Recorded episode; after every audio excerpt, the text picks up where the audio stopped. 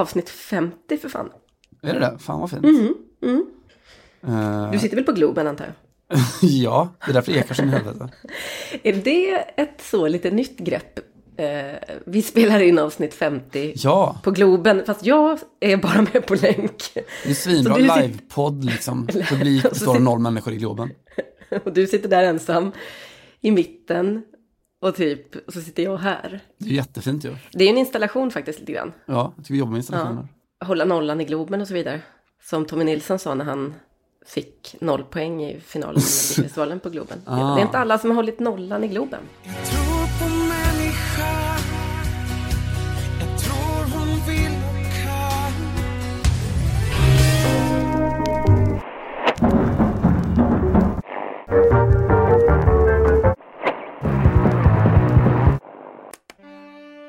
I'm on the left, of course, more left than middle. I believe in the welfare state. I'm not privately insured. I would never vote for a party because they promised to lower the top tax rate. My political understanding is this if I am doing well, I want others to do well too. If there's something I will never do in my life, it is vote for the right. Hej Johanna Frändén! Hej! Vilken eh, generisk eh, Simon Bank-prata. Mm, det blev väl lite så. Eh, och det är jag glad att du tycker för att det var faktiskt inte jag som sa det överhuvudtaget. Det hade varit jättekonstigt om du hade behövt uttala dig om detta på engelska. Mm, fast jag vet inte. Det kanske hade nått, nått en yngre publik på det sättet, jag vet inte. Just det. Det där är eh, generiskt Jürgen Klopp. Ett citat ur eh, den här boken som Rafa Honigstein, tysk journalisten, gjorde med honom och om honom häromåret. Jaha. Eh, aktualiserat såklart eh, just i veckan eh, med tanke på valet i England som ju inte gick så jättebra för, för Labour och vänstern så att säga. För Liverpool trodde jag skulle säga. Nej, för Liverpool går ju allting väldigt bra. Eller det gick ju, Ja. valet gick ju också uselt för Liverpool med tanke på menar att det. Att de är sossar ändå. Ja, de är ju en, eh, en eh, helt eh, isolerad liten enklav. Som någon sa, en professor i Liverpool sa att It's the Socialist Republic of Liverpool, the Citadel, it's Corbynista land. Det är ju så, alltså förut har ju typ Lancashire och så varit, alltså det har varit ett, där uppe i norr, ett, ett bälte av vänsterröstande områden. Nu är det i princip bara Merseyside kvar där, där man fortfarande då röstar enbart Labour i princip. Eh, och det finns någonting intressant och fascinerande i det där att eh, det kom en undersökning för något år sedan. Eh, jag tog del av den när jag var och skrev om Liverpool mot Roma i Champions League.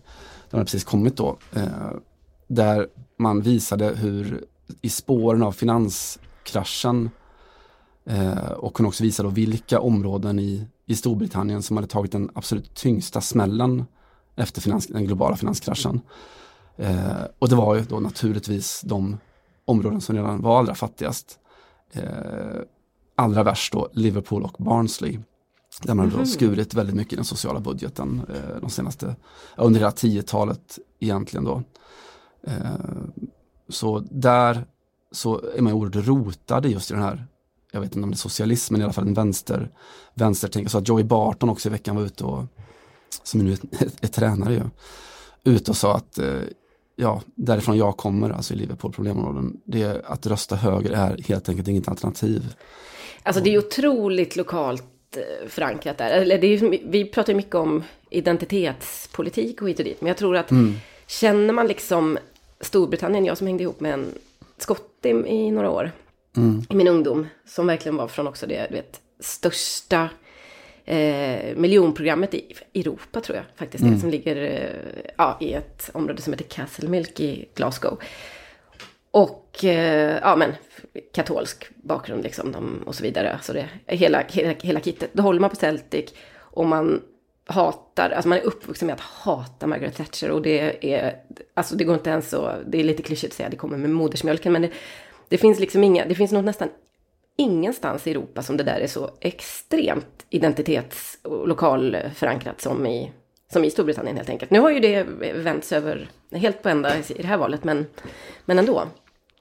Ja, det är därför som Liverpool om man ska återgå dit som är ett speciellt och som, just som undantag, att där har det inte vänt. Överallt annars har det ju Mm. sådär oerhört traditionella eh, Labour-områden som har då hoppat, hoppat av det, det skeppet och gått över till Mm. andra sidan.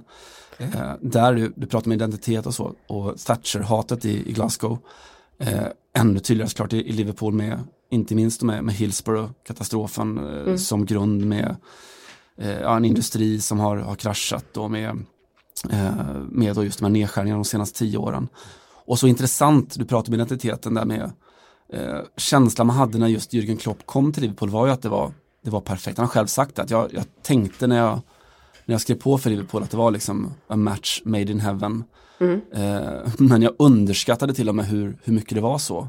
Mm. Eh, och det är så fint att det, att det även är rotat i någon form av, av syn på hur världen, hur världen ska se ut, inte bara hur fotbollen ska se ut. Ändå så måste jag invända lite för att senaste tiden har han ju varit väldigt, han har ju ändå varit lite defensiv i de här frågorna. Dels har han ju sagt att, eh, att ja men nu i veckan så när de ska åka och spela klubblags-VM i Qatar. Mm. Ja, så sa han att jag, jag förstår inte, jag tycker inte att det är rimligt att ställa politiska frågor liksom till, Mm. till spelare och tränare. Och han har också sagt tidigare under hösten tror jag att eh, man får väldigt mycket frågor om politik som fotbollstränare i England och jag är inte så särskilt politisk. Mm. Ehm, och det går ju lite emot, men det kan ju hända att man undviker det då i en, på en presskonferenssituation. För man vet Ja, men vet jag, jag, jag, köp, och så. jag köper det helt och hållet. för Jag tycker att det, att det är också situationsanpassat någonstans och att man får skilja på det som är en politisk fråga och det som är en ideologisk fråga. Och det är mest grundideologin. Det är klart att det finns eh, på Anfield finns det 50 000 åsikter om, om politik men att man ändå någonstans väldigt mycket är rotade, brett rotade i en, eh, en ideologisk hållning då. Alltså ända sedan Bill Shankly pratade om, om sin sorts socialism då, sin, som var just det där att eh, i fotboll hjälps man åt och eh, att det, det är hans sätt att se på, hans sätt att se på både fotbollen och på, på livet. Och där Mm. tror jag att, att Klopp inte skulle ha problem att prata, däremot så kanske han inte vill eh, dagen före viktiga matcher då prata om, om eh, en, en specifik politisk fråga i, Qatar kanske. Men om han nu vill, han säger då att jag vill att, att om, det går, om det går bra för mig vill jag att det ska gå bra för andra. Då tänker Mm. man så här, vill du att det ska gå bra för Everton? Eller Tottenham, när de spelar Champions League-final till exempel. Hur, hur långt sträcker sig den viljan? Ja, du tänker eh, också Tottenham i, i relation till, eh, till Labours problem antisemitism och så vidare. Ja, det, ja, det kan man ju tänka sig, precis. Du får passa Eh. in den som en, som en mini, mini parentes då, eh, helt från det blå, apropå Tottenham, ursäkta men de får med i den här veckan igen. Jag har pratat förut om, om eh, just antisemitismen och eh, det lite så här flyktiga eller flytande förhållningssättet som Tottenham eh, som supporter, supporterkollektiv har till the Y-word, alltså JIDs eller JID Army och så vidare. Eh, jag tror jag berättade då också att de hade gått ut med en, en stor gallup till alla sina medlemmar. Just hur tänker ni kring Y-ordet? Hur tänker ni kring användandet av JIDs? Mm. Eh, jag redogjorde ju då för hur jag själv tänkte att jo men jag kan absolut använda, jag har varit en av de som står och skriker JID Army eller JIDO på, på läktaren. Eh, samtidigt som jag då, när jag ska fylla i gall- gallupen, kom fram till att upplevde att det här kan vara ett kränkande begrepp. Ja. Skulle du använda det utanför fotbollskontexten? Nej. Eh, skulle det påverka dig om du visste att, eh, att det finns eh, judar som upplever det här som ett kränkande och problematiskt begrepp? Ja, det skulle det. Eh, och att man stod liksom och svävade så. Nu har då resultatet kom i veckan, eh, ett utskick då från, från klubben och visar sig att det är exakt så som en väldigt stor majoritet av supportrarna ser på det. Mm. Att man, använder man ordet? Ja. Tycker man att det är problematiskt? Ja. Ska man använda det utanför en fotbollskontext? Absolut inte i de flesta fall då. Nej, okej. Eh, det, alltså det säger så mycket om just proble- pro- problematiken som finns kring, kring fotbollskontexten och supporterskapet och så. Just det. Också Jag- speciellt, förlåt, eh, att man såg att det fanns en stor glidning att yngre supportrar tenderar att använda det vä- väldigt mycket mer. Eh, vilket man då får förmoda också är supportrar som inte har, är rotade i erfarenheten av, av antisemitismen på läktarna på, på samma sätt som de, de som kanske var med på 80 och och 90-talen då. Eh, men man är mer, eh, ja, identitetslåst kring en, eh, en så gemensamt formulerad supporter, supporteridentiteten var kanske den äldre generationen. Ja, men det, är liksom, det är en etikett mer än någonting annat. Kanske. Det är en etikett mer än någonting annat. Jag, jag hade ju förmånen att dela fotbollsstudio med Erik Torset, Torset Åh. härom veckan. I love Eric the Viking, Eric the Viking loves me, som man på 80-talet. Just det. Eh, målvakt i Tottenham i många säsonger på 80-90-talet. Ja, precis. Och i IFK Göteborg. Och IFK. Det är en bra ändå utveckling. IFK Göteborg, Tottenham och sen liksom slutar där på något sätt. Mm. Och sen tv-studion med Johanna Frändén. Och, ja, tack. Det var, det var, det var liksom, du var tvungen att säga det, kan man säga. Eh, han berättade i alla fall i eh, lite förbifarten att eh, de hade ropat då bland annat något i stil med Erik är vår omskurne målvakt. Circumcised keeper, ja det, det Ja, nej, det, det var kanske, okej, här, här hade det varit bra om jag hade vetat, kommit ihåg exakt vad han sa. Men det var nog, eller om det var i alla fall hela, våra, hela truppen då, men det var någon, liksom någon sån ramsa som gick. Eh, och det fick man liksom då, eh, tolkade jag honom som, leva med på något sätt. För att det ingick i hela den eh, jid-identiteten, eller den judiska identiteten. Och, eh, ja, eh, oavsett huruvida det här stämde eller inte, frågar jag ju då inte. Men eh, att det finns ändå väldigt många sådana, eh, det är inte bara liksom den här eh, stora frågan som du ställer, eller som de ställde i, i den här enkäten då, om eh, jid eller inte, utan även liksom massa andra associationer och ja, accessoarer nästan som förknippas med eh, judiskhet. Eh, ja, jag vet inte, intressant eh, erfarenhet kanske. Gud ja, det finns Mm. något speciellt också. Jag vet inte varför just målvakter tenderar att få den sortens eh, eh, pol- politiskt laddade, om man kan säga så, eller identitära ramsor kring sig. Det är väl, förstärker bilden av dem som, som sportens solitärer. Jag tänker på Artur Boruc i, i, eh, i Celtic, som ju kommer in väldigt lätt från, från kanten så att säga i hela det eh, religiösa Glasgow-kriget. Han hade ju ramsan Oh Artur Boruc, the holy goalie, he hates the Huns. He blessed himself at Ibrox and the Huns went off their nut. He's off his fucking rocket and sings God bless the Pope, tror jag. Sån. Mm. Eh, ja, målvakter ska ha det. Alltså nu pratar vi ändå lite om Jürgen Klopp och jag har liksom en fråga som hänger lite i luften kring Jürgen Klopp som inte jag har fått in på något bra sätt. Eh, Det här är din Men- chans. ja, det här är min chans. Och eh, jag hänvisar helt och hållet till eh, Wikipedia. Fliken privatliv. Eh, Klopp är sedan oklart år gift med sin fru Ulla. Har en son född 1988 i ett tidigare äktenskap. Klopp är uppvuxen i ett litet samhälle i bergsområdet eh, Schwarzwald i sydvästra Tyskland. Klopp har en examen i Sports Science vid Franks universitet från 1995. Där han skrev sin examensuppsats om gång.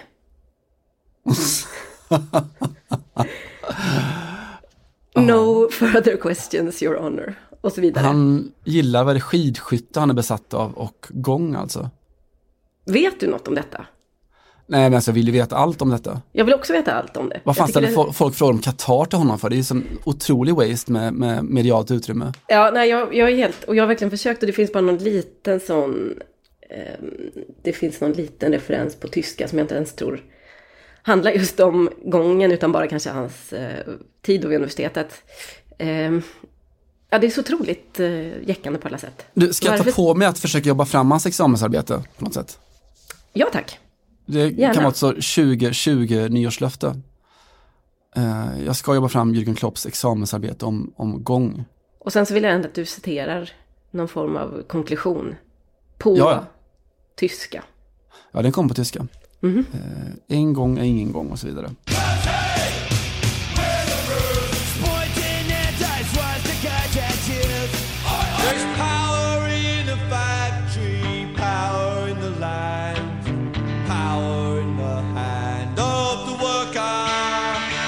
Det har ju liksom blivit Brexit på något sätt sen vi hördes eh, sist. I alla fall så har ju det brittiska folket talat med en eh, majoritetstunga som säger Boris, get Brexit done.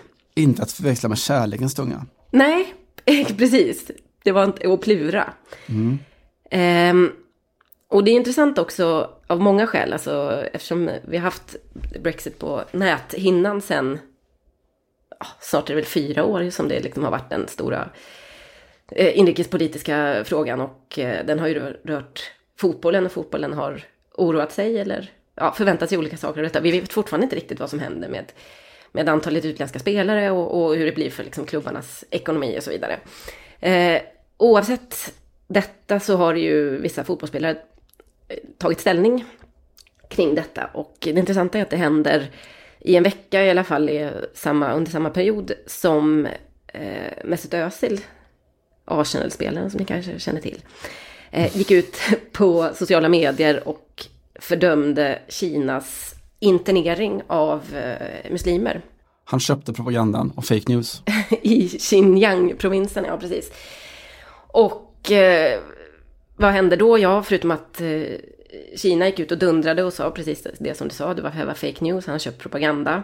Eh, trots att vi vet att det här stämmer, det har ju läckts eh, dokument om detta, så vi har ju att göra med vad man kallar den största interneringen av människor på politiska grunder sedan andra världskriget i princip.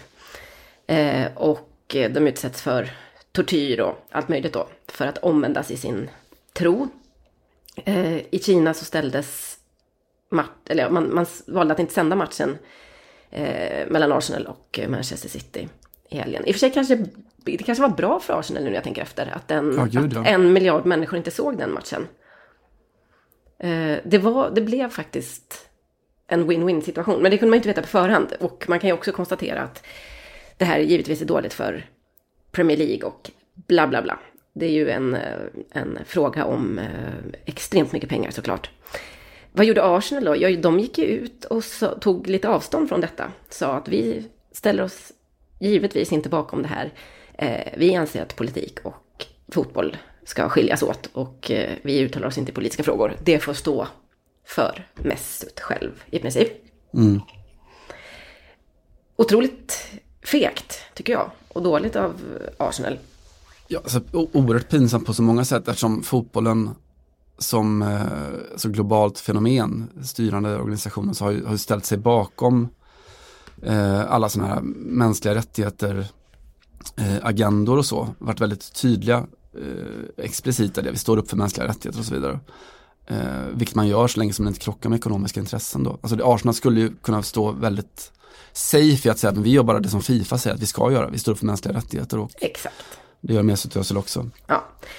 Men istället så fick man kalla fötter då och förstod att eh, man kan inte få Kina på sig för det är ju ändå den marknad där alla europeiska lag vill eh, slå igenom absolut mest. Eh, vår kollega Jojo Olsson som är Kina, numera Taipei, Taiwan-baserad då, men eh, har bott många år i Kina och eh, rapporterar om Asien och Kina sedan väldigt många år. Eh, skrev om detta intressant, eh, tyckte jag. att eh, det, det konstiga är ju att inte fler går ut och säger det självklara, det som Mesut Özil säger. Alltså, alla har konstaterat, världssamfundet har konstaterat att, att det här ju stämmer, att eh, det pågår ett, eh, han kallar det ett kulturellt folkmord till och med, på de här eh, muslimerna i Kina. Och att det är uppenbart att om fler hade gått ut, så länge det bara är en, en eller möjligtvis två eh, relativt kända människor som säger det här så, så kan Kina givetvis liksom försöka sätta press då genom att ställa in matcher eller välja att inte sända dem och så. Men om fotbollsvärlden istället hade stått upp enad och sagt att det här är galet och vi håller med Özil och sådär. Så hade det ju antagligen fått effekten att, att Kina hade behövt förhålla sig på, på ett annat sätt till det här. Eh, istället så blev det, och jag, tror, jag gissar att det här handlar lite om att Mesut Özil har visat lite dåligt omdöme i politiska frågor tidigare då. Om man med dåligt omdöme menar att bjuda in eh, Erdogan som bästman på sitt bröllop till exempel. Det menar ju generellt eh, europeer är, är ett eh, problem. Så att det kanske inte är så här, det är svårt då eh, helt plötsligt. Ja, folk kan inte skilja på sak och person här helt enkelt. Eh, i- hur som helst, det som hände var ju då, och dessutom har ju Mesut Özil en lite jobbig period som hela Arsenal. Så det, han, han talade lätt ju inte från... somnambul. Ja, lite så. Han talade liksom inte från the top of the world. Eh, Hector Bellerin, som precis som Özil är en utlänning som spelar i Premier League. Eh, I samma lag. Som precis som Özil är en utlänning. Ja. Ja. ja, men han har ju, jag tycker de är jämförbara för att eh, det är ju li- lite samma situation då. Eh, han har ju gjort sig känd för att göra ganska mycket uttalanden av typen som fotboll radikal hjärtar lite grann. Eh, Bejerin gick ju ut inför valet då i England eller i Storbritannien förra veckan, förra torsdagen och sa, eller skrev att nu är det upp till ungdomarna, ni kan ja, ni kan, ni kan registrera er för att eh, rösta och ni kan ändra liksom på framtiden och ett öde och så vidare. Avslutade med hashtaggen fuck Boris. Man kan ju tycka att Premier eller Arsenal då som klubb skulle ha mer synpunkter på det, för det här är ju ett rejält eh, inrikespolitiskt ställningstagande. Plus att det var ganska aggressivt, plus att eh, det direkt har med ja, det skulle kunna skrämma bort en massa supportrar också. Men det gjorde man inte, för uppenbarligen kostar inte det här så mycket att vara emot Boris Johnson, även om det, det, det stora folkflertalet röstade på eh, Johnson då och Tories i det här valet, så är det ändå godkänt att eh, vara emot Boris om man är fotbollsspelare. Här gjorde Arsenal vad då? Ingenting. Inte ett ljud. Nej, de sa inget om att det här är givetvis inte klubbens åsikt. Eh, Hector pratar bara för sig själv och vi tar ingen ställning i det här. Nej, man sa ingenting. Eh, vilket visar lite på hyckleriet hos Arsenal tycker jag, politiskt just nu. Eh, och kanske också lite på, visar lite på hela, ja, hela problematiken med hur politisk fotbollen får bli och på vilket sätt. Först kommer maten, sen kommer moralen. Eh, Bertolt Brecht. Det är klart att det finns ju alltså massa sådana här föregångsfall, eh, NBA inte minst då såklart, med hur, hur man förhåller sig till Kina, hur mycket man vågar ta ställning för mänskliga rättigheter när det faktiskt kostar någonting också.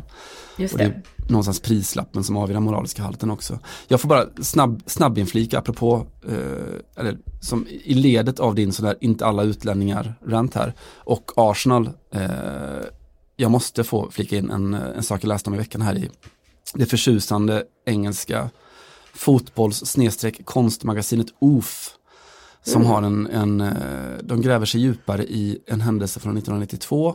Eh, ni som följer Arsenal kanske minns när då Highbury skulle byggas om och byggas ut. Eh, och man byggde om då North Bank, eh, läktaren. Eh, och under tiden som man byggde och renoverade så smällde man upp en stor, en fondvägg helt enkelt över hela North Bank då, där man hade målat massa supportrar för att då ge någon slags, du vet, att den skulle se ut bara som ett, en byggarbetsplats i, i, te, i tv och så. Ehm, En eh, trompe-l'œil, som vi kallar det på det är en trompe-l'œil, precis så. Precis så. En, en ögonlurare. Eh, och ja, man gör det då, det är liksom ett par tusen eh, ansikten och kroppar som är målade bakom, bakom ena, det norra målet. Eh, Arsenals lag kommer dit då eh, och snabb bakgrund då. Arsenal är ju känt som en, eh, inte minst som, som, som supporter, kollektiven väldigt så eh, multietnisk, multikulturell grupp liksom. Eh, och även lokalområdet där, där Highbury fanns eh, ute i Islington. Eh, väldigt mycket en, en multikulturell eh, del av London. Eh, laget kommer ut någon dag före match då eh, och tränar på arenan och eh, Kevin Campbell, om ni minns honom, gammal anfallare, inte superstar men ändå en, en nyttig anfallare för Arsenal under tiden. Eh, går in, som alla spelare tittar han upp mot, eh, mot den här målningen eh, och han ser en sak som ingen annan har sett tidigare. Eh, han ser det, han reagerar, tänker efter och sen så går han då eh, direkt till David Dean, eh, ikoniske Arsenal-ledaren, eh, vice ordförande då eh, och säger så här Mr Dean, there's none of my brothers in the picture. Eh, det finns alltså, av alla dessa tusen, så är det bara vita ansikten. Mm. Eh, och David Dean säger God Kevin, you're right, you're right, we'll change that immediately, I apologize. Så de fick måla om alltihopa över, ja, över dygnet helt enkelt. Oj, och det är nästan en ännu sämre idé. Eh, Kanske, alltså det är, det är För intressant. då får man ju göra någon form av blackface då på de som är där, antar jag. Ja, Ja, eh, man fick göra en, en eh, Griezmann över halva läktaren. fy fasen. Eh, men kittlande och att, att sånt där kunde fortfarande hända då. Det känns som att det skulle inte kunna hända idag med jag vet inte om sociala medier eller internet har skapat en större medvetenhet kring sånt, att man får inte göra fel på samma sätt.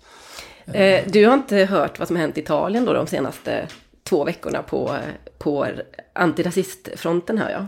Pratar vi apor eller? Vi pratar apor. Jag pratar ju först och främst eh, Corriere dello Sports första sida Black Friday. Eh, det var Inter och Roma skulle möt, som skulle mötas och eh, Lukaku och Hjälp mig för? United-spelaren, precis. Chris Smalling. Mm. Eh, Exakt.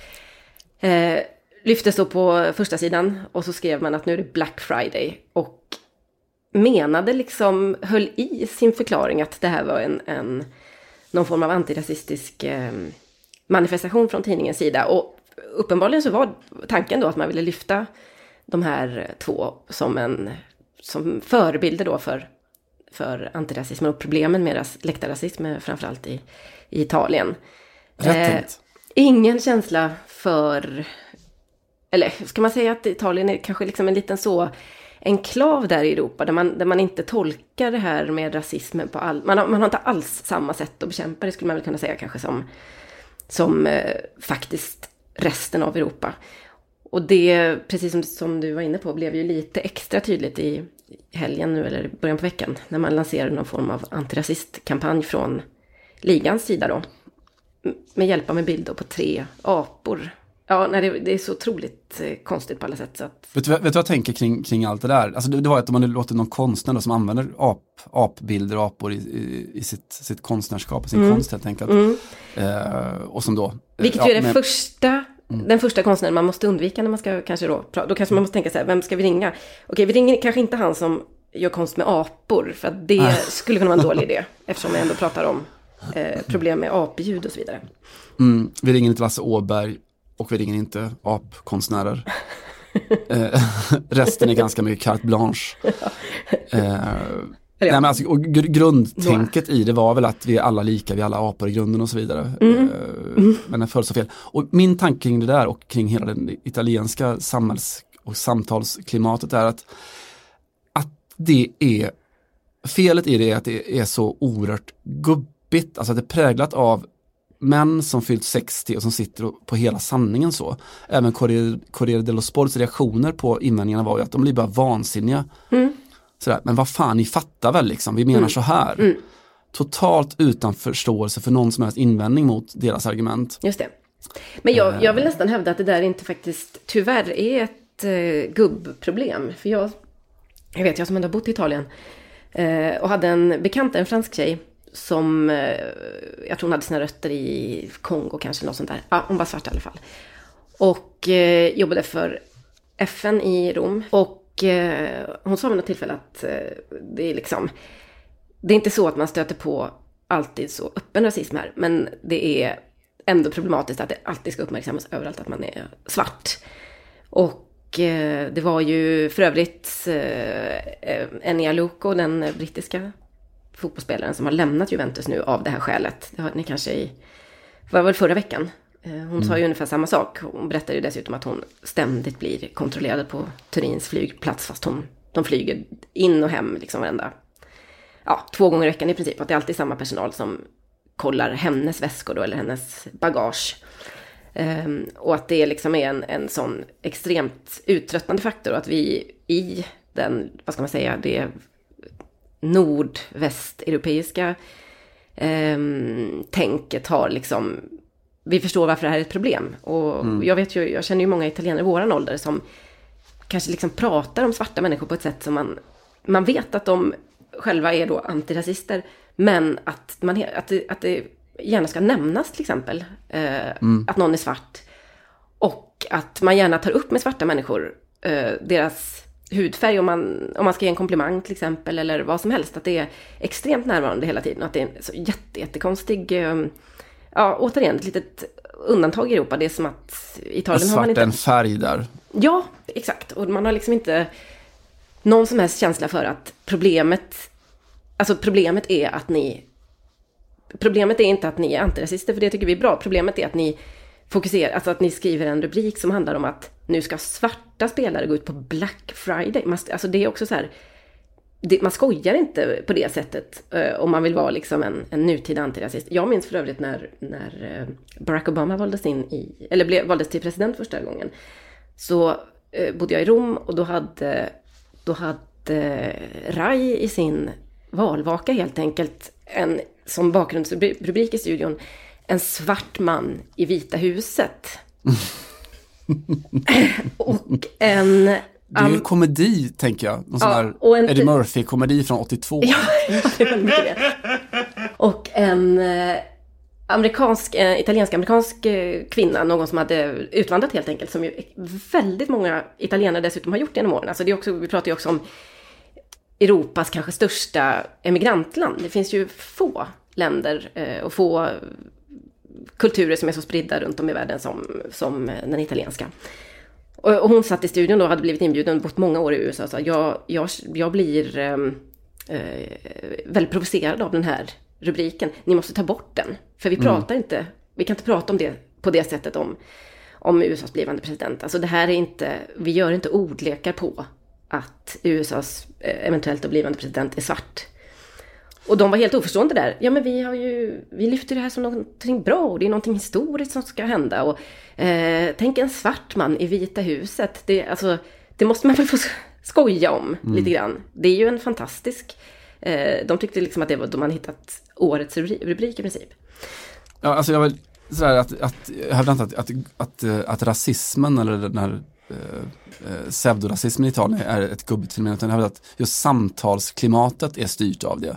Alltså just den här hållningen att eh, jag säger som det är och eh, ska, vara, ska vara fri liksom i, i det, att ni fattar vad jag menar. Att Ja men det är sant. den, jag kan, den har alltid kallat det negerboll, det betyder precis, ingenting. exakt så, exakt så. Att det, det är ett italienskt fenomen skulle jag hävda. Ja, väldigt mycket. Det är extremt eh, italienskt eh, fenomen. Eh, och utifrån så ser det ju helt galet ut. Och jag vill absolut inte ta dem i försvar. Men man måste också förstå att, att även den antirasistiska debatten i Italien ser helt annorlunda ut. Alltså den ser ut på ett helt annat sätt än vad vi är vana vid. Eh, ska vi gå tillbaka till eh, Brexit eh, lite grann? Ja, förlåt. och eh, implikationer som detta får på fotbollen. Det var nämligen så att i förra veckan så gick Rod Stewart, den gamle gynnaren, upp på första platsen på den eh, engelska albumlistan. Apropå Celtic. Precis. You're in my heart heter eh, skivan och eh, som tog honom till första platsen och eh, kickade ner Robbie Williams julskiva till nummer två och The Who's nya skiva till nummer tre. Rod Stewart skrev så här. Eh, tack återigen min eh, fanbase eller min legion av fans som jag aldrig kommer ta för givet. Eh, bless you all and a merry Christmas. Och så kom det här då. Well done Robbie. Well done Boris. No hard feelings Pete Townsend. Rod. eh, ja, Robbie var ju Robbie Williams då. Eh, Pete Townshend, The Who's gitarrist. Well done Boris var ju då uppenbarligen Boris Johnson. Eh, vilket så att säga inte gick obemärkt förbi på, hos Celtic-supportrarna för att eh, Rod Stewart är kanske, är han världens mest berömda Celtic-supporter, möjligen. Det tror jag man kan säga. Det kan man nästan säga utan att eh, slira på sanningen. Eh, vad fick detta för konsekvenser? Jo, att eh, på nästa match så skrev, eh, eller så uppträdde Celtic-supportrarna med en stor banderoll där det stod Fuck you Rod Stewart, du är inte välkommen hit längre. Skottland är ju som ni känner till ett eh, anti-Brexit område mer än någonting annat, eller ett land om man nu får kalla det. Snart kanske vi kan göra det med på, på alla sätt eftersom det är många skottar nu som hävdar att man, vill, att man har rätt att göra om folkomröstningen om att få skilja, skilja sig från Storbritannien. Eftersom det är så tydligt att en stor majoritet i Skottland är emot Brexit och att man nu helt enkelt får lämna på lite på Englands villkor. Rod Stewart har eventuellt gjort eh, sitt sista framträdande då på, på Celtic Park. Eh, Eller, eller ja, så får han gå dit med typ eh, lösskägg och solglasögon eller sånt där. Hur fan kan man göra bort sig så mycket? Alltså all- alldeles oavsett politiska åsikter och hemvister och sådär så. Ja, det är ju dålig att bollkänsla va? Det är oerhört dålig bollkänsla. Det är också väldigt konstigt att tänka så här, om jag smyger in det mellan eh, hyllningen, eller vad ska man säga, hälsningen till Robbie Williams och eh, Pete Townshend, så kanske inte riktigt märks. Nej. Eh, men det är inte så jävla många på albumlistan som heter Boris. Så att eh, man förstod så att säga vad han menade. Rod Stewart då, som ju för övrigt är Sir Rod Stewart i eh, Storbritannien. Adlad av drottningen. Detta nämns inte så ofta, Simon. Och det här får mig att lyf vilja lyfta en hjärtefråga som jag inte heller riktigt hittat något forum för. Men som stör mig något eh, enormt. Nämligen att eh, musik och nöjesjournalistiken har inga problem med att lägga undan titlarna så att säga. Man håller inte på sig, skriver Sir Rod Stewart har konsert på Hovet. Eller Dame Judi Dench eh, är också med i den nya Bond-filmen. Men Sir Alex Ferguson ska fan in varenda gång det pratas om honom. Varför det- då? Och på Men- tal om skottar. Är det inte för att man vill så uppvärdera fotbollen på något vis bara? Att det är mer ovanligt tänker jag, än, än inom kultursfären. Kanske, och jag, men jag, köp, jag köper ju absolut att supportrarna ägnar sig åt detta. Eh, Sir, kall- det är många kallar honom bara så. Sir Alex. om. Mm. precis. Men jag, jag tycker det fortfarande är perverst att journalistiken använder sig av detta hela tiden. Först och främst är det inte en titel som vi har i Sverige, så vi behöver inte hålla på och tönta oss med det. Det går jättebra att säga Alex Ferguson. Sen så om de vill lägga, om liksom drottning Elizabeth vill lägga ett, ett svärd på hans axel och ge honom någon välsignelse så kan jag känna att det är deras sak. Precis som hon har gjort med Rod Stewart och, inte vet jag, alla typ, eh, alla gubbar i, inom kultursfären över 50 kanske i Storbritannien. Men om jag får liksom komma med en enda önskan inför nästa decennium så är det att vi så att säga lägger bort titlarna. Alex Ferguson. Det är en enkel arbetargrabb från Govan. Du, Låt honom förbli det. du tycker att jag borde sluta skriva eh, Member of British Empire Hurricane varje gång alltså? Ja, jag tycker att det, det skulle spara dig ganska mycket utrymme dessutom, Simon. Har du tänkt Ja. på det? Kort Nej. är bra, fick jag lära mig när jag började på kvällstidning. Det, det är taget. Mm. Det är kanske är därför man skriver Sir Alex, det är kortare. Ja, okej, men då, ja, okej, men det är så bra inte det argumentet. Det korta Nej. argumentet är inte så bra så att vi ska börja tönta oss med brittiska idiottitlar. Bort Ytterligare en det. argumentation du vinner. Det- Fast jag inte ens var konsekvent. Just det. Mm. Det är ingen nackdel 2019. I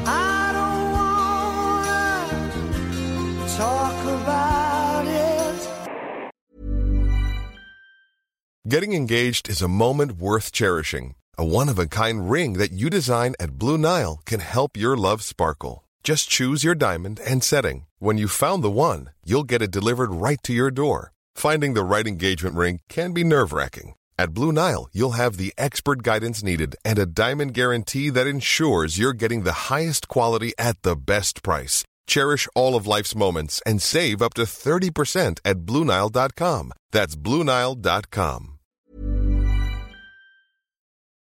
Wir sind die Krieger, wir sind die Fans. Adolf Hitler, hooligans. Eh, Hörde säger jag inte jag. Adolf Hütter och detta var en hyllning till eh, Frankfurt Eh, you wish. och Frankfurts tränare? Nej. Nej, det var en eh, hyllning till hans, eh, jag höll på att säga föregångare, det ska jag inte säga, hans... som Dansman? Nej, det är han ju faktiskt det är Inte ens det. Inte heller. Nej, till Adolf Hitler. Eh, Världens mest kända österrikare efter Arnold Schwarzenegger. Just det. Vi är krigare, vi är fans, Adolf Hitler hooligans. Eh, citat då från kravallerna, demonstrationerna i Chemnitz häromåret. Eh, jag har skrivit om det förut, det var ju egentligen då som senast som eh, Chemnitz eh, djupt inne i gamla DDR eh, nådde rubrikerna då i, i fotbollsvärlden och i världen i övrigt då. Enorma kravaller, eh, i mångt och mycket då eh, styrda av fotbollshuliganer från från DDR, gamla DDR också då västnassar som hade rest in. Eh, jag skrev om det i en text i fjol, tror jag. Tror att vi pratar om det här i podden också. Eh, sen dess så har vi inte pratat så mycket om Chemnitz, alltså gamla Karl Marx stadt hette ju både stad och fotbollslag förut. Mm. Eh, kanske borde göra. Jag kan eh, göra en, en snabb update på vad som hänt sedan dess. Eh, nu i augusti i början av säsongen så fick eh, Chemnitzer FC, deras eh, lagkapten och eh, stjärnanfallare Daniel Fran eh, lämna klubben. Han fick det då efter att han hade då, när han stod över en, en match så valde han att istället se den då eh, på läktaren då tillsammans med Nasse-supportrar. Eh, han hade också då tidigare under året eh, stöttat då, en, eller visat solidaritet med en, en avliden eh, oerhört då stor, stort namn inom eh, den högerextrema supporterscenen då. Eh, hållit upp någon slags t-shirt, eh, ja, Nasse-t-shirt då för, för att stötta hans familj helt enkelt. Ja, vad mysigt. Eh, jättemysigt. Det är I denna mycket svåra stund. I denna svåra stund. Det är väldigt mycket den, den sortens rubriker i den mån Chemnitz får rubriker som har fått. De har också fått rubriker för att de eh, krisar, har krisat ekonomiskt. Eh, de spelar numera då i, i Det är tredje. en bra grogrund för nazism i och för sig. Det är ju det, Mm. bevisligen. Eh, de krisar sportsligt, eh, ligger då under strecket i tyska tredje divisionen. Krisar också ekonomiskt, ligger 5 miljoner back den här säsongen och är på vägen i konkurs. Äntligen nu då, i förra veckan så kom det lite positiva nyheter. De har då vid ett stort sånt årsmöte, medlemsmöte, tillsatt en, en ny eh, styrelse då med enormt klar majoritet. Med då duktiga lokala affärsmän som eh, bestämmer sig för att nu ska vi liksom höja publiksiffrorna, nu ska vi eh, jobba mo- mer mot sponsorer, vi ska lösa det här för att, för att Chemnitz FC är oerhört viktigt för lokalsamhället och för staden och det ska vara något annat än bara en någon slags na- nazipropaganda stämplad eh, maskin liksom. Okej, det får gärna vara det också. Men det är Det får viktigt att vi har två ben att stå på. Vi ska inte bara vara nazister, vi ska också vara framgångsrika. Eh, ungefär så. Eh, nej, verkligen inte så. De vill göra, göra uppror mot den här eh, och rensa ut och så vidare. Eh, jag noterar då i den här nyvalda styrelsen ett namn specifikt. Eh, någon som säger så här att Chemnitzer FC ska och måste representera staden igen och göra det med värdighet. Vi vill skicka en stark signal till eh, eh, de styrande i staden, till alla eh, offentliga institutioner och till media. Citat från Stefan Ballack. Reaktioner på det? Eh, Stefan, bekant efternamn. bekant efternamn. Ja, är det, har vi göra med en bror eller? Vi har att göra med en far, Jaså, eh, Michael Ballacks far Stefan. Eh, mycket engagerad fortfarande i Chemnitz. Liksom Michael Ballack också är då. Eh, Han har på många olika sätt stöttat klubben. Eh, Michael Ballacks son Emilio har eh, praktiserat nu, haft prao i, eh, på klubbens kansli nu i, under hösten. Eh, och Michael Ballack själv då när de då sladdade som mest i tabellen så slog han en signal till klubben och rekommenderade en, eh, för de har då sparkat tränaren, eh, rekommenderade en gammal kompis, eh, Patrik Löckner, som då tog över laget när han lett dem i tio matcher och bara förlorat en, så de är på väg uppåt och även sportsligt. Mm. Det här fick mig att tänka på hur lite vi tänker på Michael Ballack. det är faktiskt helt otroligt nu när du säger det. Inte ägnat honom en tanke sedan 2010 Två. kallt. precis. Ja. Han är ju en, en speciell eh, karaktär i fotbollshistorien. Såklart mest och för evigt känd då för den där säsongen med, med Bayer Leverkusen, alltså eh, Vicekosen eller Neverkusen, säsongen när blev två i ligan, två i kuppen, två i ligacupen och han sen åkte iväg på VM med Tyskland. Tog en, eh, alltså för att rädda laget, en, eh, ett gult kort och en avstängning i semifinalen, var avstängd mot Brasilien i finalen och de blev två där också. Så fyra stycken andra platser under en säsong. Eh, en fantastisk karaktär på väldigt många sätt och som sen försvann lite medvetet. Eh, han finns inte på sociala medier, han eh, har ingen Facebook och sådär. Eh, syns inte jättemycket. Han har skrivit lite i, om det var Observer eller Guardian, eh, eh, duktiga, eh, välformulerade krönikor. Eh, utöver det så har han då ägnat sig åt att till exempel då eh, skaffa sig en, eh, en ny flickvän, en, eh, en av Libanons mest eh, framgångsrika rika familjer, en eh, dottern där, Natasha Tanous, eh, som inte heller är den traditionella wagon, utan är då en oerhört framgångsrik yrkeskvinna, jobbat i, varit en av höjderna på Goldman Sachs bland annat. Eh, Ballack själv då. Det här har varit en eh, heltidssysselsättning för honom låter det som. Nej, det har ju inte det. Han har ju Nej. också ägnat sig åt att, eh, att eh, bland annat då eh, ytterligare odla sitt, sin oerhört breda språkkunskap. Han talar väldigt, väldigt, väldigt många språk. Just det. Och Arabiska nu då kanske? Det tar jag för givet att han gör. Mm. Hon, just flickvännen Natasha har också varit engagerad i hela den där libanesiska protestvågen som har gått. Eh, tagit tydlig ställning för, för protesterna där på, på sina sociala medier och så. Underbart. Eh, Ballack då, eh, hur ska vi ta in honom i den här podden? Jo, eh, vi gör det också, alltså som om det behövs, behövs mer än att ha en, en häftig wag. Han eh, har också då ägnat sig åt sitt andra nya stora intresse, det vill säga konst. Han är en eh, konstsamlare som investerar väldigt många miljoner i, i konst. Mhm.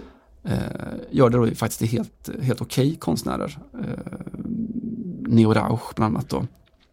En av hans stora favorit, favoriter är Georg Baselitz. Eh, jag vet inte om du, nej du bodde inte hemma då, men de ställde ut honom på, på Moderna för, för något år sedan. Mhm, mhm.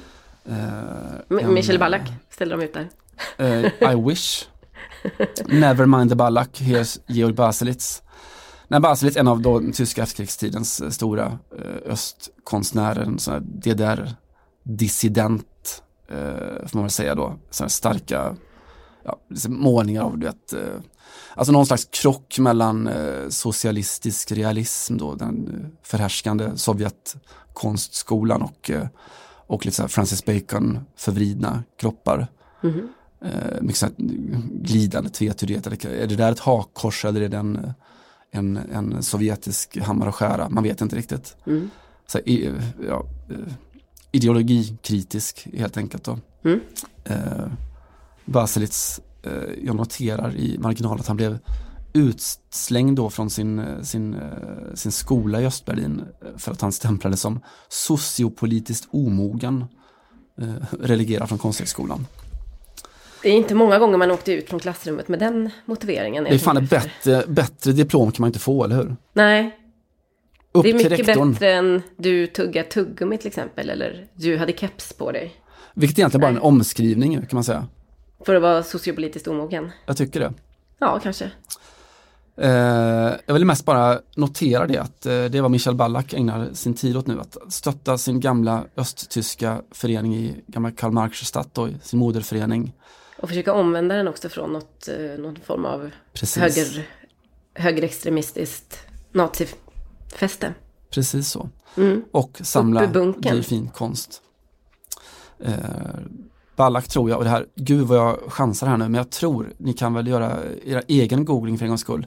Född eh, under världsfotbollens rikaste vecka. Jag tror att, eh, alltså återigen, jag dunderchansar här nu, men jag tror att Ronaldo, Francesco Totti och Ballack föddes samma vecka. 1976. Eh, jag, går, jag går ut på den chansningen. Bra, och, eh, alltså även om, även om det inte är sant så är det en riktigt bra chansning. Jag tycker inte om fakta, det stör min argumentation som Fournier sa. Eh, jag, tyckte bara, jag ville bara lyfta Michel Ballack för jag har undrat vad han haft för sig. Det här är vad han haft för sig. Sämre saker kan man ha för sig.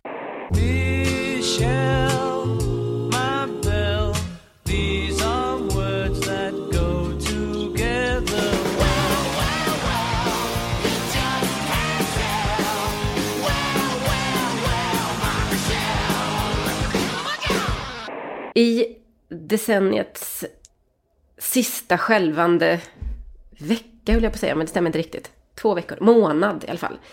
Eh, ska ju nu världens absolut största fotbollsklubbmatch spelas.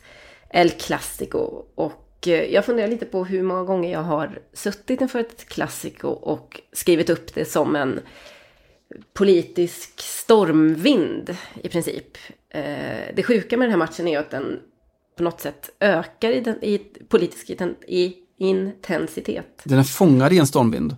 Den är jävligt fångad i en stormvind kan man säga.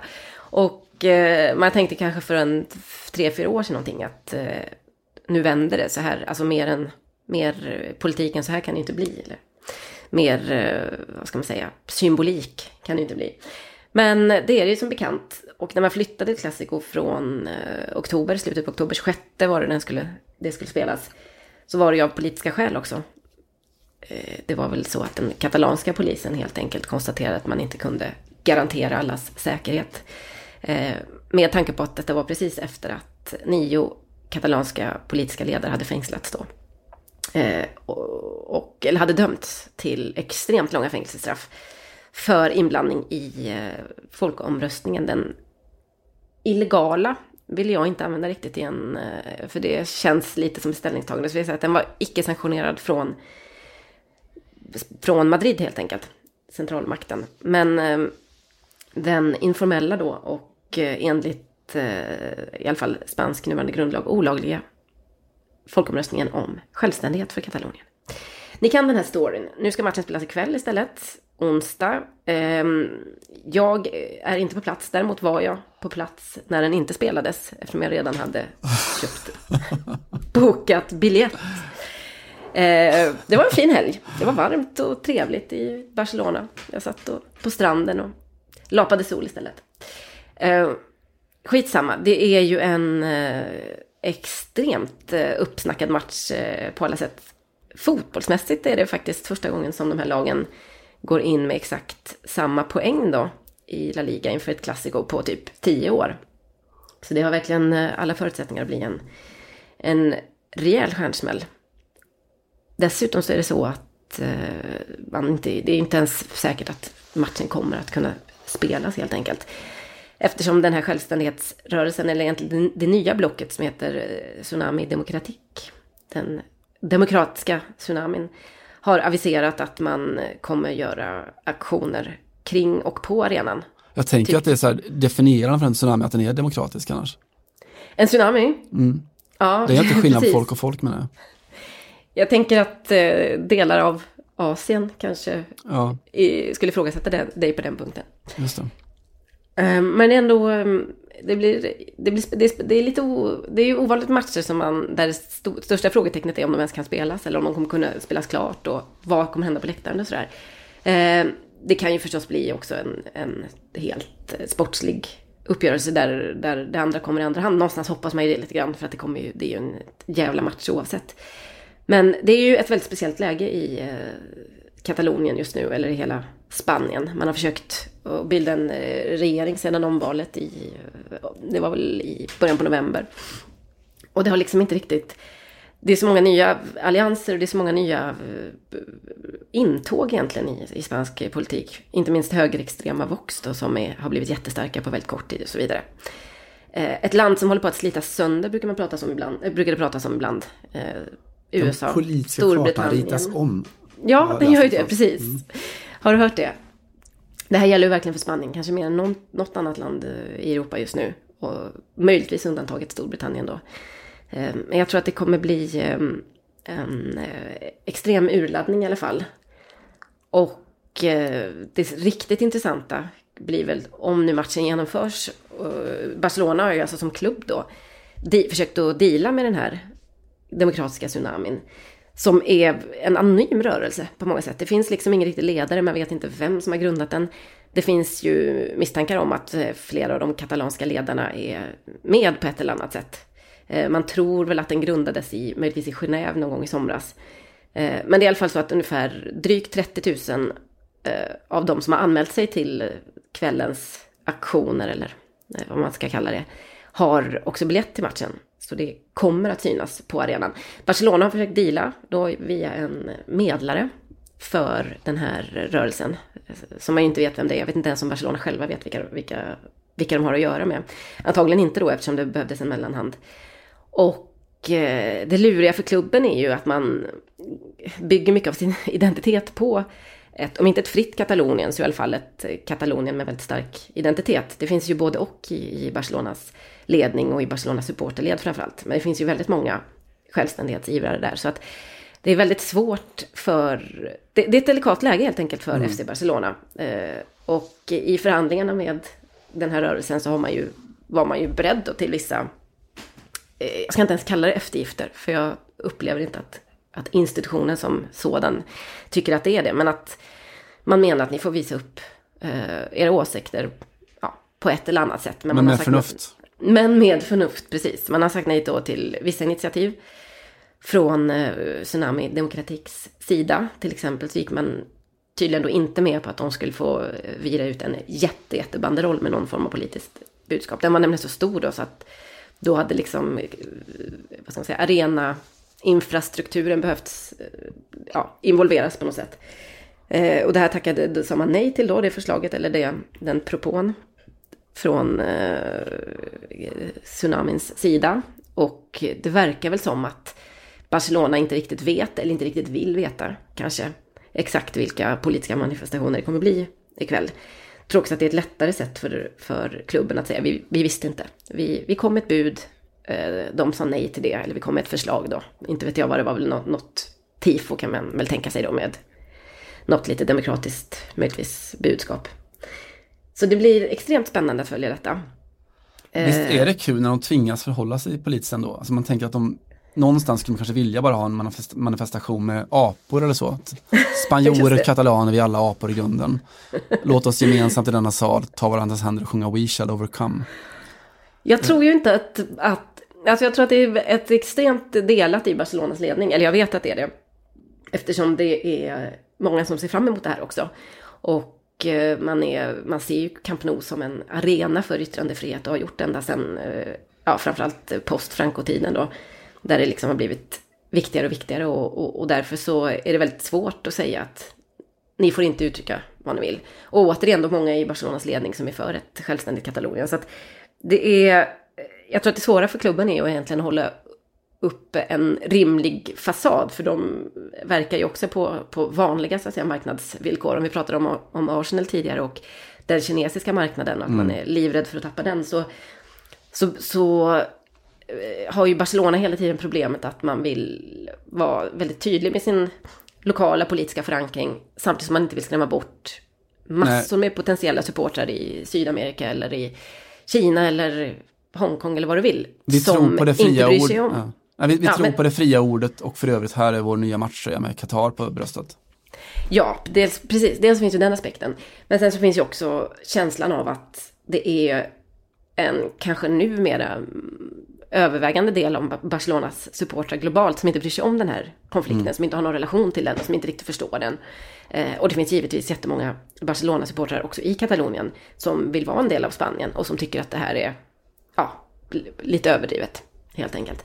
Så att det är en, en, det är en balansgång där. Det är svårt att förhålla sig till men också intressant för att det kommer att kunna få, det kommer synas ikväll.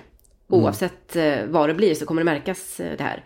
Eh, och det är ju, blir också intressant att se hur, vilken typ av budskap som man kan så att säga släppa igenom eller ignorera som domare. För att det är till slut är det upp till domaren att blåsa av matchen om det kommer, inte vet jag, rent eh, extremt agitatoriska budskap från eh, läktarplats. Eller eh, en, en planinvasion är man ju orolig för till exempel. Och då går ju inte matchen att spela oavsett.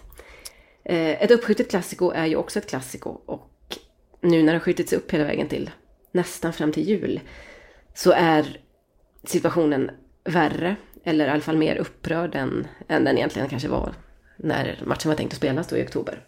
Det är din, Barcelona egen, och Har- din egen Harrisburg-monolog här. Du vill bryta in? Nej, det bara, det bara känns så. Men du, du, var in, du var på plats när det inte hände. Kommer du att vara på plats när det händer? Nej, det hade, jag, det hade känt lite mainstream. Ja, sant. Så jag kommer följa och eh, rapportera från framför tvn ikväll. Men eh, det, blir, det är ju, om vi nu ska prata lite fotboll också för ovanlighets skull, så är det ju eh, två lag som är i, alltså Real Madrid spelade, eller mötte Valencia i helgen, en extremt underhållande match som Valencia såg ut att vinna om det inte vore för att Thibaut Courtois hade gått upp på den allra sista hörnsparken och nickat ner bollen eh, till en eh, fristående, vill jag ta i, men en eh, Karim Benzema som stod där och eh, såg till att man plockade med sig en poäng, precis som Barcelona fick borta mot Real Sociedad och därför då går in på exakt samma poäng i den här matchen. Det känns som att både Real Madrid och Barcelona borde typ ligga femma i ligan. Det är den Ja. känslan man har utifrån säsongen de haft, men de gör inte det. Ja, nej, precis. Och eh, exakt, och hur det har eh, låtit. För att det har varit extremt mycket gnäll, framförallt i Barcelona. Man är ju generellt ganska missnöjd med Ernesto Valverde. Även om han får ganska bra resultat med det här laget så är det ju inte så någon sprudlande fotboll då. Men emellanåt så, så, så liksom glimrar det till ändå. Man ser framförallt Leo Messi som är i sitt livsform är väl då, det börjar bli liksom en, ett sånt eh, självupprepande Det han kallar mantra. form. Precis, det andra kallar form, exakt. Eh, och Zinedine Zidane som var kanske 90 minuter från att faktiskt få sparken för två månader sedan, ja, när, när det skulle spelas Classico senast. Och som nu är helt untouchable igen. Också ganska intressant utveckling. Gud ja, apropå Benzema, en, eh, en sån där mini-vykort minne som jag aldrig riktigt har, har plockat upp men som var en fascinerande upplevelse. Jag var och såg eh, Lyon mot Real Madrid i Champions League, kan vara kanske, jag vet inte, tio år sedan eller så. Eh, när Lyon då, deras bad gun, eh, deras eh, supporter eller ultras segment eh, försöker på något sätt bonda med Real Madrid. De, under matchen så skanderar de eh, Puta Barça i Puta Catalunya. Eh, och, och möts bara total iskyla från, från storebror Real Madrid. Kan vara det mest patetiska jag någonsin varit med om på en fotbollsläktare tror jag. Varför ville de ens bli kompisar med dem? Det är, jätte, det är ett jättemärkligt eh, beteende. Ja men alltså jag antar någon sorts ultrasur, eh, alltså högervåldsromantik eller så att vi är, vi är ungefär samma, vi är, vi är coolast i våra länder, vi är störst och starkast och vi är eh, tuffa supportrar. Vi hatar också Barcelona. Jaha, Ja, just det. Vad fan Men de gick ju från att vara tuffast till att bli typ töntigast i klassen när de började skri- ropa det, eller hur? Det var precis så det var. Det var kanske då Benzema bestämde sig för att sticka, jag vet inte. Just det. Han har aldrig varit töntigast i klassen. Nej, det klär honom inte.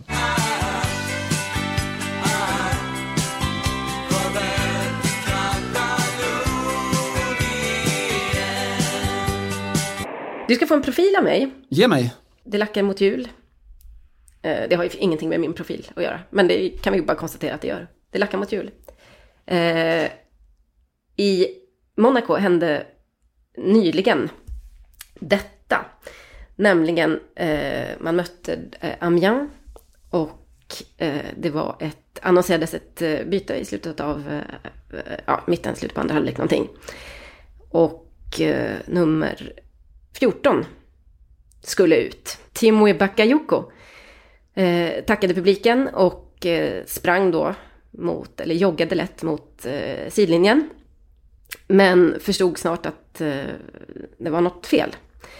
Eh, Leonardo Jardim var väl, eller någon av hans eh, assistenter möjligtvis, och pekade på honom och sa nej, nej, nej, nej, nej. Eh, Bakayoko hade glömt, han hade haft nummer 14 så himla länge. Eh, men när han kom tillbaks till, till Monaco på, efter två års lån så var nummer 14 upptaget av eh, Keita Balde. Eh, eller Balde Keita, som vi säger numera. Och eh, han hade fått eh, tilldelats nummer 6 istället. Så han sprang nästan hela vägen fram till sidlinjen innan han förstod, fan det är inte jag som ska ut. Eh, och fick springa tillbaks och flinat lite. Och, ja, gjorde en liten gest som kommer att, filmen kommer att, eller klippet kommer att läggas upp på podcast Radikal. Där kan ni följa våra, så att säga, vår, vår klippsäsong. Eh, allt det som inte riktigt går att återge med ord.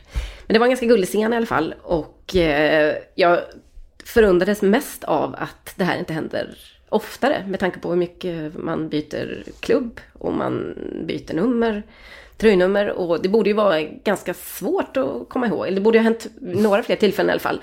Att man inte riktigt kommer ihåg vad man har för nummer. Det går ju dessutom inte riktigt att man måste nästan fråga någon. Kan inte, det syns ju inte någonstans på... Det syns ju bara på ryggen så att säga. Ja, det är lite, du vet, som min lillebror brukade säga när han var, var liten och eh, aldrig hörde av sig till sin storebror. Och förklarade varför. Ja, just det. Jag Jag har har ju ju inte, inte ditt nummer. precis så. Nej. Precis. Han hade kanske... Han kanske hade gått den här eh, fällan. Eh, vi har ju diskuterat tidigare det här med olika saker som eh, fotbollsspelare lyckas ha extremt bra koll på. Till exempel offside-fällor, eller ja, tvärtom då, att man är ga- väldigt slipad på att ligga, ligga väldigt rätt i de lägena. Eh, som försvarare till exempel, och att det ändå är ganska svårt att, att mm, på något sätt eh, iscensätta eftersom man är fyra stycken ofta som ska så att säga eh, via telepati se till att man ligger på rätt eh, sida om anfallaren och så vidare. Eller fel då beroende på om man vill eh, iscensätta en offside-fälla. Eh, det klarar de ofta av. Det är jag imponerad av, den intellektuella förmågan. Eh, jag imponeras när jag ser klippet på eh, Bakayoko av hur ofta fotbollsspelare uppenbarligen har total koll på vilket nummer de har. Det här var ett undantag. Eh, och det var väldigt gulligt. Timoe Bakayoko. Veckans profil. Som man förtjänar det. Jag tycker det. Eh, jag tycker också det.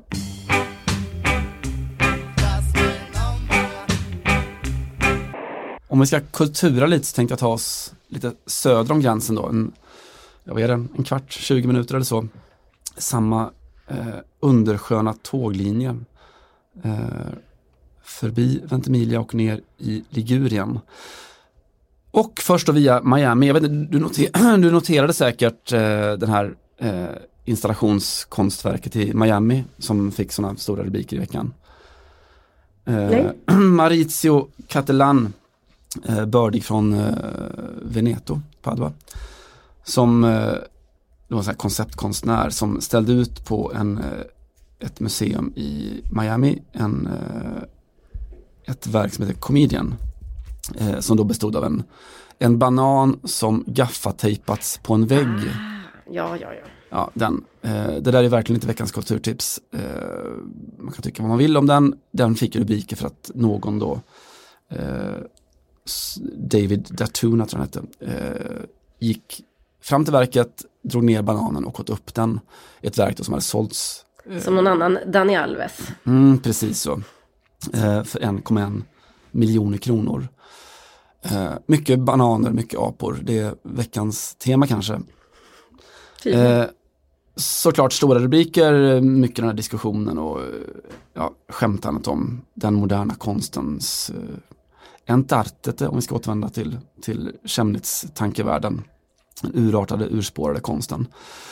Eh, det var väl vad det var, jag tyckte inte att det var svinkul. Vi har pratat om det förut, om just den här sortens installationskonst eller Duchamp eller vad du vill som, som då någon återför till eh, Alltså konstnären gör, gör konst av ett bruksföremål och sen så kommunicerar någon annan med konstverket genom att återta det, återföra det och göra det till bruksföremål igen. Duchamps eh, urinoir som någon gick och kissade i till exempel.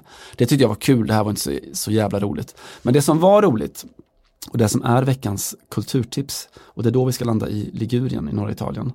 Eh, det var ju derby där helgen, eh, krisderby mellan Sampdoria, Albin Ekdals Sampdoria och Genoa. Just det. Eh, oerhört ångestladdat, eh, fantastiska eh, Eh, shower som alltid i det otroliga derbyt.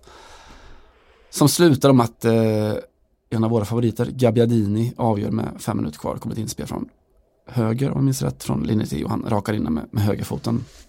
Eh, tre blytunga poäng för Samp, för Ekdal och Ranieri. Eh, och då veckans kulturtips kommer från Sampdorias Twitterkonto. Det de gjorde i briljant då, kommunikation eh, med eh, konsthändelserna i Miami är att de lägger ut en enda bild på sitt Twitterkonto. Eh, bilden av Gabbiadinis sko upptejpad med gaffatejp, lerig sko upptejpad på en vit eh, vägg med gaffatejp. Precis som bananen i Miami. Inga Det var det bästa jag hört i år. Visst är det fantastiskt? Inga kommentarer överhuvudtaget. Eh, vi kan väl göra som med eh, Bakayoko att vi lägger upp det på Twitterkontot podcast eh, radikal för allmän beskådan. Eh, kul vad det är som helst. Jag säger ju att Twitter är det bästa klubbarna presterar inom fotbollen just nu.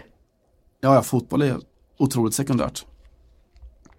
Ja, men också att det är typ allt eh, som sker kring eh, stora klubbar, stora transfers och eh, vad du vill är, känns kanske osmakligt eller eh, bombastiskt eller bara lite så eh, fantasilöst. Och eh, när, vad jag ofta, tror då ofta är liksom unga människor som är ansvariga för sociala medier så blir det nästan alltid bra. Ja, Just eh, Twitter och så vidare. ja, för där finns också hu- humorn som är ofta totalt frånvarande i allting annat. Exakt. Veckans kulturtips, en eh, Twitterbild och en sko, en lerig sko från Ligurien.